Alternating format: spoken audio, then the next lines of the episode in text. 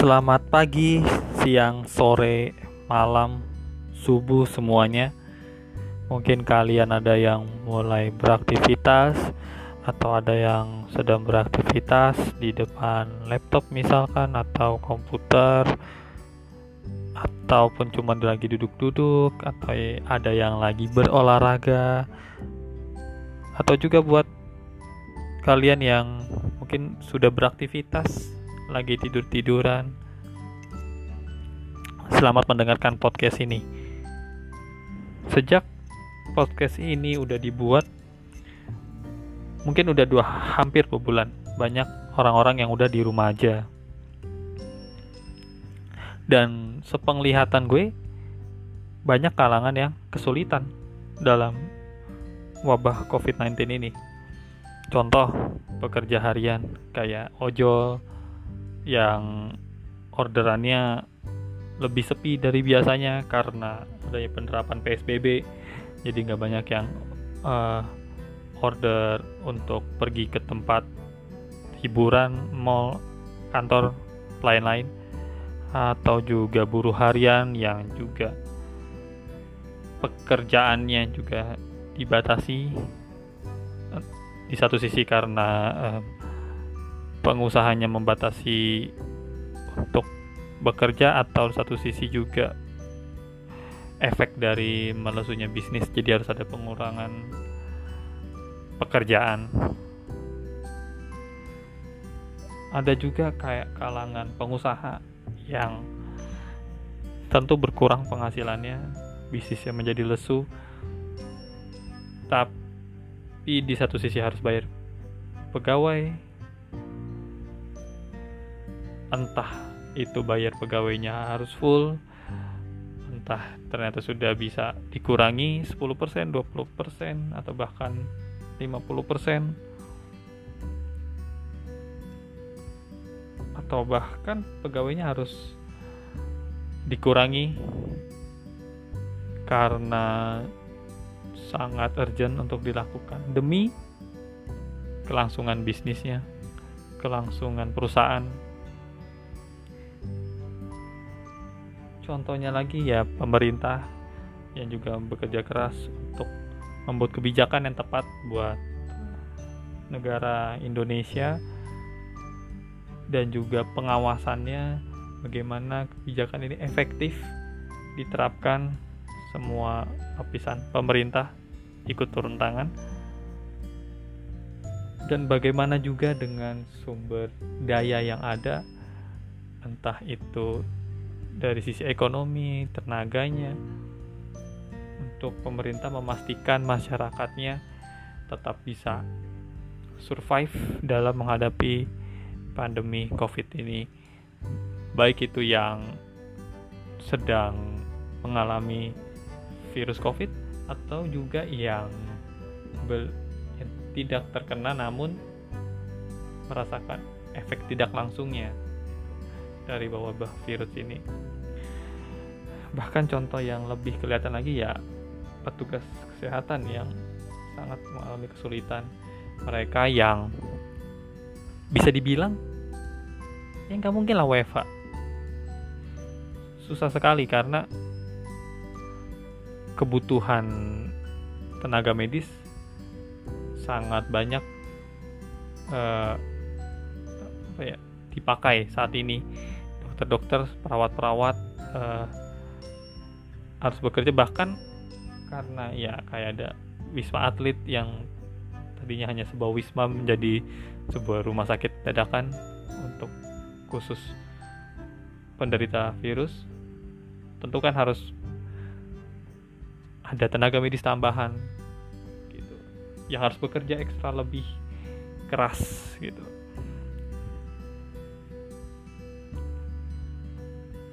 Banyak kalangan yang mengalami kesulitan. Tapi di satu sisi gue melihat sih wabah ini ada positifnya. Ada hal baik yang bisa kita ambil. Ini opini gue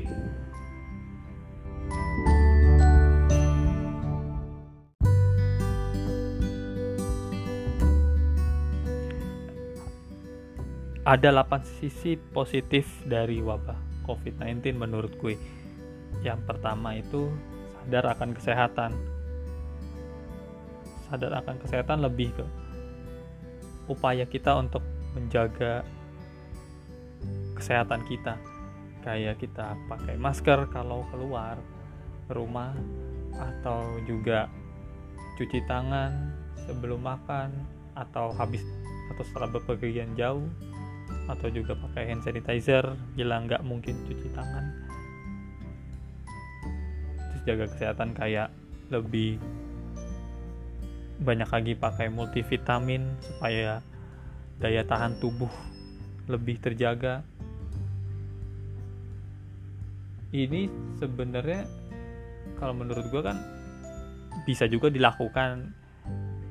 Ya sebelum wabah ini ada gitu kan.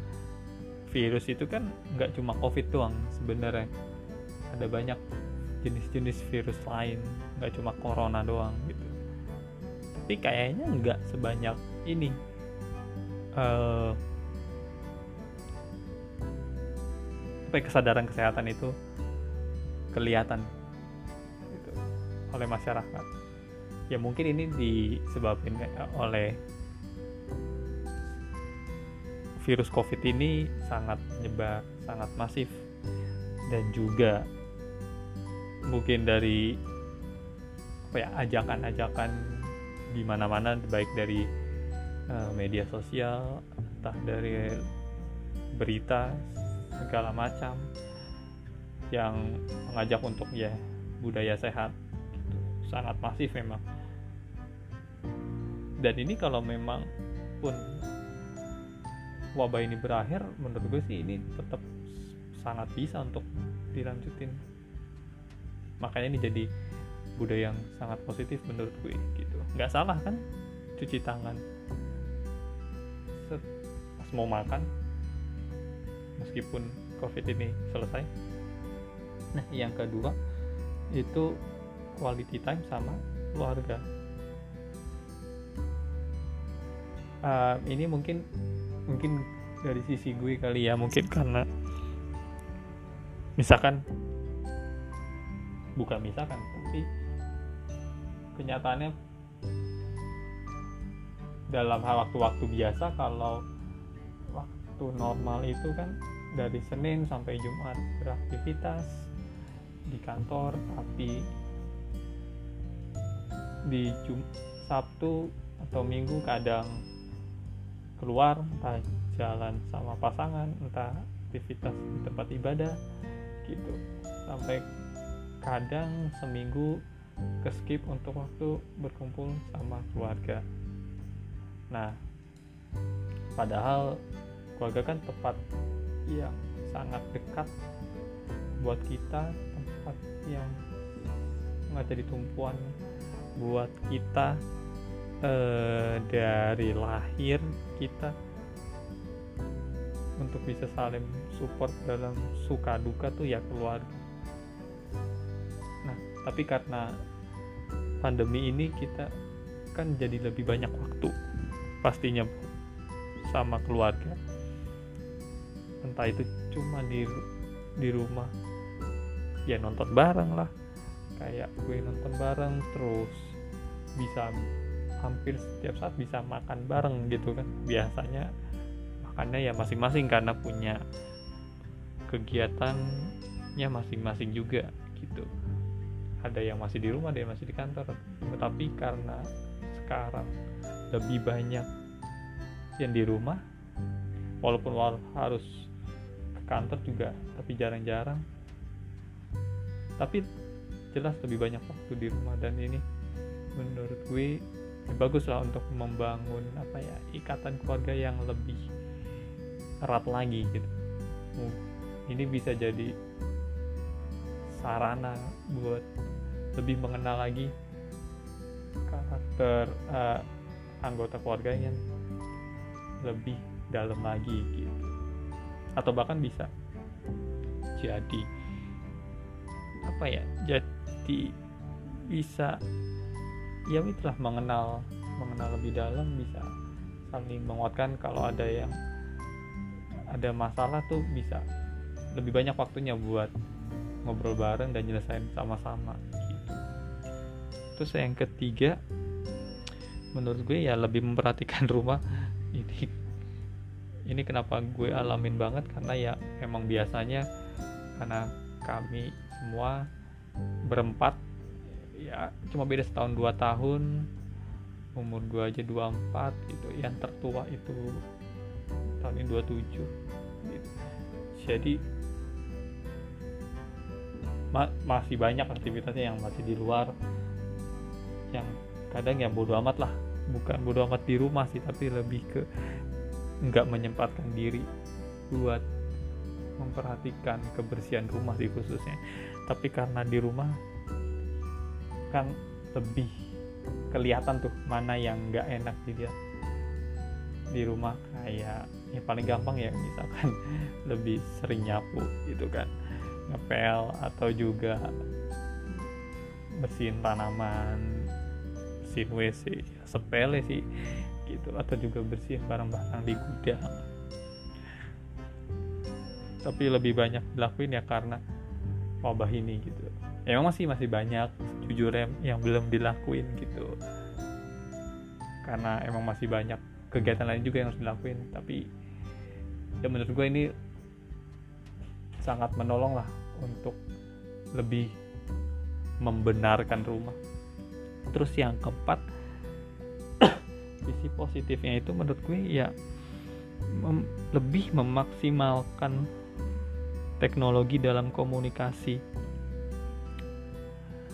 kayak chatting uh, dengan grup orang grup kantor atau meeting dengan teman-teman ngobrol sama teman-teman atau bahkan ya dengan organisasi mana pun lah dengan aplikasi yang menyediakan grup call kayak Zoom, Hangout gitu, Google Duo gitu. Menurut gue ini ya sangat apa ya sangat menolong juga sih ya ada plus minus ya memang plusnya itu bisa lebih gampang ketemunya gitu. Karena karena tinggal klik doang gitu. Bisa langsung ketemu nggak perlu nggak perlu apa namanya janjian untuk ketemu di satu titik gitu kan. Tapi kita bisa ketemu di media online. Plusnya juga yang menghemat waktu yang pasti kan tapi satu sisi ya memang sih uh, pengguna-pengguna kayak gitu memang ya lebih boros juga sih kuotanya. Dan juga kalaupun pakai wifi ya memang wifi-nya juga harus lagi stabil gitu. Tapi ya ini sangat memudahkan gitu. Apalagi apa ya mungkin ini menurut gue ya mungkin buat rekan-rekan mungkin yang dengar mungkin yang punya eh, rekan kerja yang bisnis di luar kota luar negeri yang tadinya biasanya harus ketemu tapi sekarang diharuskan mau nggak mau ya pakai online gitu. Kan jadi mengurangi kos untuk transportasi nggak sih gitu. Ya mungkin ada beberapa meeting yang memang nggak bisa nggak bisa apa namanya. Nggak bisa cuma online dong tapi kan paling nggak ini sangat mengurangi lah mengurangi intensitas uh, bepergian ya bepergian keluar kotanya. Gitu jadi ini bagus banget. Mungkin ya mungkin ke depannya ya mungkin cukup aja online gitu kan meeting gitu. Kalau memang bisa online mungkin nanti bisa juga teknologi lebih maju jadi kuota yang dipakai nggak begitu besar mungkin aja meeting-meeting berikutnya lebih banyak. Berbasis online. Jadi orang nggak nggak perlu ketemu langsung satu di tempat. Ya nggak sih? Gitu. Lalu juga yang kelima sisi positifnya menurut gue ini sih menumbuhkan bela rasa banyak gue lihat sih orang-orang di di media sosial. Di di jalanan lah gitu. Karena gue masih kantor itu ngeliat orang yang sendiri gitu bagiin makanan ke orang-orang orang-orang yang membutuhkan gitu. Kayak tukang beca itu gue lihat. Atau ojol dibagiin aja gitu. Satu paket ya cuma nasi nasi minum lauk gitu. Tapi kan itu sangat gratis buat mereka. Udah banyak banget gitu bukan satu doang tapi banyak gue kayak di media sosial. Ada aksi gitu menaruh apa menyediakan apa tuh namanya makanan buat buat ojol gitu kan disediain. Jadi ojolnya tinggal ngambil doang tuh buat makan siang gitu. Ada juga yang tergerak tuh untuk ngebantu tenaga medis kayak dibeliin makanan. Ada juga dan ini macam-macam ya maksudnya. Ada orang yang tergerak ada juga ya yang yang mengump menghimpun dananya juga kan gitu. Mungkin orang-orang masih belum bisa terjun langsung ke lapangan tapi dia bisa lebih baik membantu dalam hal support dana gitu. Banyak banget lebih banyak dibandingkan kasus eh, maksudnya sebelum kasus covid ini sih kalau gue lihat ya. Gerakan-gerakan orang Denny sangat bagus sih menurut gue bela, bela rasa. Ya mungkin kan ke depannya bisa aja jadi orang menurut gue sih orang-orang akan lebih peka gitu ya. Akan lebih peka kan ke kebutuhan orang-orang yang lebih membutuhkan. Lalu ya mungkin itu makanan gitu. Tapi ada juga orang bela rasa juga dalam hal berbagi ilmu. Kayak ya boleh sih ya beberapa akun sih beberapa akun seleb gitu. Ya mungkin mereka secara nggak nggak nggak secara langsung nggak secara langsung menunjukkan apa ya ingin apa ya sikap bela rasa tapi ya mereka kayak share link gitu kan untuk ngobrol entah insta live ngobrolin misalkan soal musik gitu kan entah ngobrolin soal finance atau ngobrolin soal ngebuat podcast itu yang pernah gue lihat gitu. Secara free. Ya kalau gue ya kalau nggak ada pandemi ini kan mungkin aja mereka nggak sempat ngebuatnya karena aktivitas mereka yang sangat luar biasa padat. Tapi karena pandemi ini ada waktu aktivitas mereka berkurang dan mereka melakukan itu dan secara nggak langsung mereka berbagi menurut gue sih. Dan itu sangat bermanfaat. Bahkan ada juga yang berbagi buku gratis tuh. Contohnya gue dapet link dari grup WA tuh. Kayak PDF gitu ada 21 lembar. Dari Springer Books Springer Ebooks. Nanti teman-teman yang minat bisa uh, cek gue aja di link yang gue sebutin di trailer detail tulisannya. Nah di situ ada banyak tuh. Uh, mulai dari psikolog sains matematik ekonomi teknik. Dan itu intronya dia bilang ya karena dia kasih gratis ya bu karena covid ini gitu. Wow kan jadi banyak banget ide-ide berbagi itu yang muncul. Ya ada juga yang bela rasa tuh kayak berbagi hiburan. Contohnya waktu itu gue sempet dapat link Google Drive gitu dari grup WA lagi itu dia ngasih sekumpulan game game PC lalu buku-buku novel. Novel sih kayaknya novel waktu itu kalau ada film-film barat atau film Indo juga secara gratis gitu. Untuk menolong mengisi waktu di rumah gitu. Ada juga yang kalau nggak salah bukan kalau nggak salah sih waktu beberapa waktu lalu sih yuk abang gue nge-share link gitu. Karena USA lockdown jadi ada dia menyediakan film streaming gratis tuh dari situs night nights.tv gitu. dan itu waktu gak akses bisa. Itu kayak dua, seminggu dua minggu lalu coba aja nanti teman-teman cek sendiri. Itu menurut gue yang kelima. Yang keenam lingkungan ini menjadi lebih bersih. Kok banyak tuh di jalan-jalan pas gue lihat ya di pusat Jakarta ya. Pusat Jakarta tuh kayak banyak penyemprotan disinfektan di jalan. Tuh berkala sih nggak cuma satu hari doang. Gue nggak tahu cuma berkala disemprotin desinfektan di kantor-kantor di rumah-rumah gitu.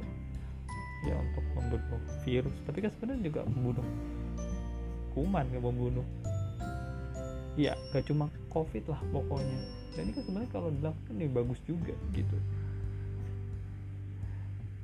Ada juga mungkin virus-virus lainnya yang memicu apa namanya penyakit gitu. Yang nggak nggak nggak cuma kematian tapi penyakit. Tapi ya mati karena desinfektan ini. Lalu lingkungan lebih bersih itu kelihatan dari ini polusi udara. Tadi gue lihat tuh di berita di Kompas kalau kondisi nitrogen dioksida atau NO2 itu di beberapa negara tuh menurun ya termasuk Indonesia. Ya mungkin ada yang lebih lebih cerah ya gitu ya lebih cerah atau lebih bersih gitu kelihatan udara gampangnya gitu kalau gue ngeliat sih. Oh, ya ya itu jelas sih terjadi karena ka, karena banyak orang yang menghentikan mobilitasnya gitu kan untuk bertransportasi. Entah deh gimana caranya gue sih pengennya tuh setelah covid nih selesai. Oke bisnis normal tapi bisnis normal kesehatan normal tapi ini polusi udara berkurang jadi nggak harus transportasi itu banyak. Entah gimana caranya. Tapi ini sangat bagus banget gitu kan kan menolong iklim di Indonesia juga gitu ya supaya lebih sehat gitu. Bumi kita ini lebih sehat. Dan yang ketujuh sisi positifnya menurut gue lebih melek keuangan di masa ini kan banyak juga orang. Gue juga mikir sih gue lah gue lah. Ini berapa lama ya? Gue bisa nggak ya survive syukur sampai saat ini masih bekerja gitu. Tapi kalau misalkan udah harus selesai nih uang gue cukup gak ya? Untuk untuk gue bertahan hidup yang akhirnya jadi nyimpulin nih memang butuh nih dana darurat gitu. Entah buat tiga bulan enam bulan setahun. Karena akan kerepotan nih kalau kita nggak punya duit nih tiba-tiba kita nggak bisa bekerja lagi. Masa mau pinjam orang syukur mau pinjam mau minjemin gitu. Tapi kalau enggak ya kita nggak bisa maksa juga kalau mau pinjam ke bank pasti ada banyak syarat. Makanya ini sangat mendidik keuangan banget sih. Dan lagi ini yang kedua tuh melek keuangan yang gue maksud lebih melatih berhemat gak sih? Kayak mau nggak mau ya menurunkan daya konsumsinya daya konsumtifnya gitu. Keinginan untuk berbelanja. Ya emang sih bisa aja gitu online shopping. Tapi kan di masa kayak gini ya kita karena gak, semuanya banyak yang serba nggak terjamin bukankah lebih baiknya gitu ya untuk lebih berhemat lebih save uang untuk kemungkinan-kemungkinan yang nggak pasti gitu ya? Kayak kebutuhan pokok yang mungkin meningkat juga kebutuhan-kebutuhan lain meningkat.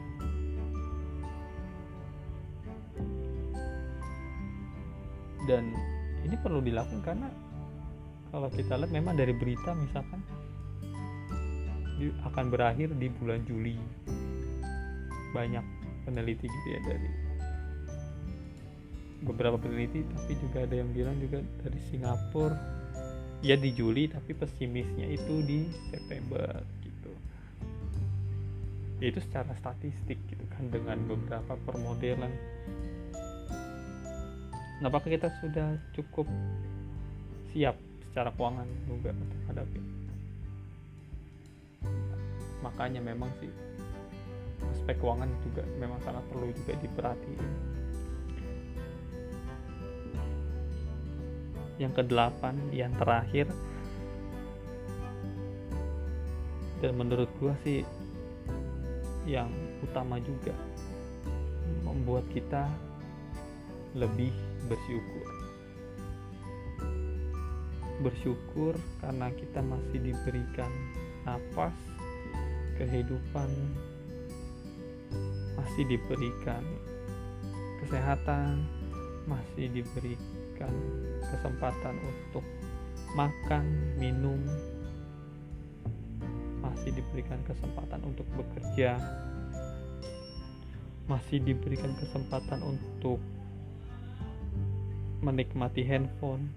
Masih berkesempatan untuk ketemu dengan keluarga.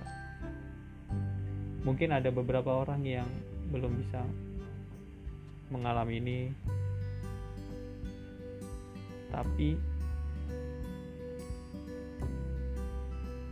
akan ada satu tempat untuk kita bersyukur dalam semua situasi. Itu sih. Menurut gue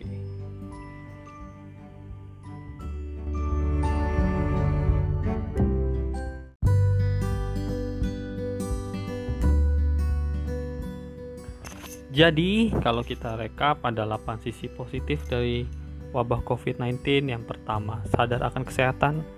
Kedua, quality time bersama keluarga. Ketiga, lebih memperhatikan rumah. Keempat, memaksimalkan teknologi dalam komunikasi. Kelima, menumbuhkan bela rasa. Keenam, lingkungan bersih. Ketujuh, melek keuangan dan yang terakhir, lebih bersyukur itu opini gue semoga bisa menjadi pencerahan buat kita semua. Buat teman-teman yang mau memberikan kritik saran yang membangun bisa ke anchor.fm slash santai belajar. Terakhir semoga wabah ini lekas berakhir.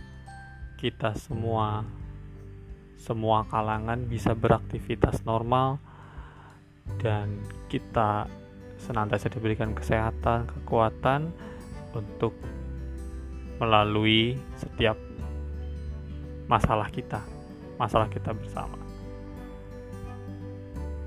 See you, sampai ketemu di episode berikutnya.